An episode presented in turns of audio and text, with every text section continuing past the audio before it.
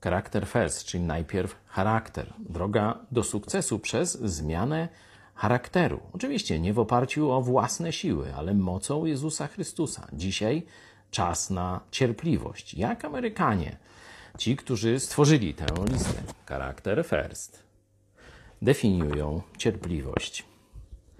Bardzo ciekawie. Otóż jest to według nich akceptowanie trudnej sytuacji bez określania deadline'u, kiedy ona ma się skończyć. Deadline, czyli no taki już ostateczny termin, kiedy ma się ta sytuacja skończyć.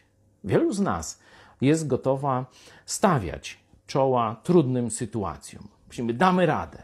No fajnie. Ale kiedy trudna sytuacja utrzymuje się dzień, fajnie.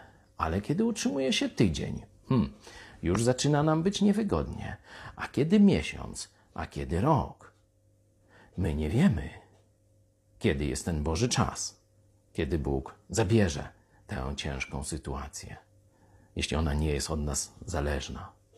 Dlatego cierpliwość jest połączona z zaufaniem do Boga. Boże, Ty wiesz, Ty znasz, Ty wiesz, co jest dla mnie dobre, Ty możesz wszystko, Ty mnie kochasz ponad wszystko. Dałeś za mnie Jezusa Chrystusa, swego jednorodzonego Syna. Boże, Ty znasz moje mo możliwości, czyli Ty nie dasz mi obciążenia ponad miarę.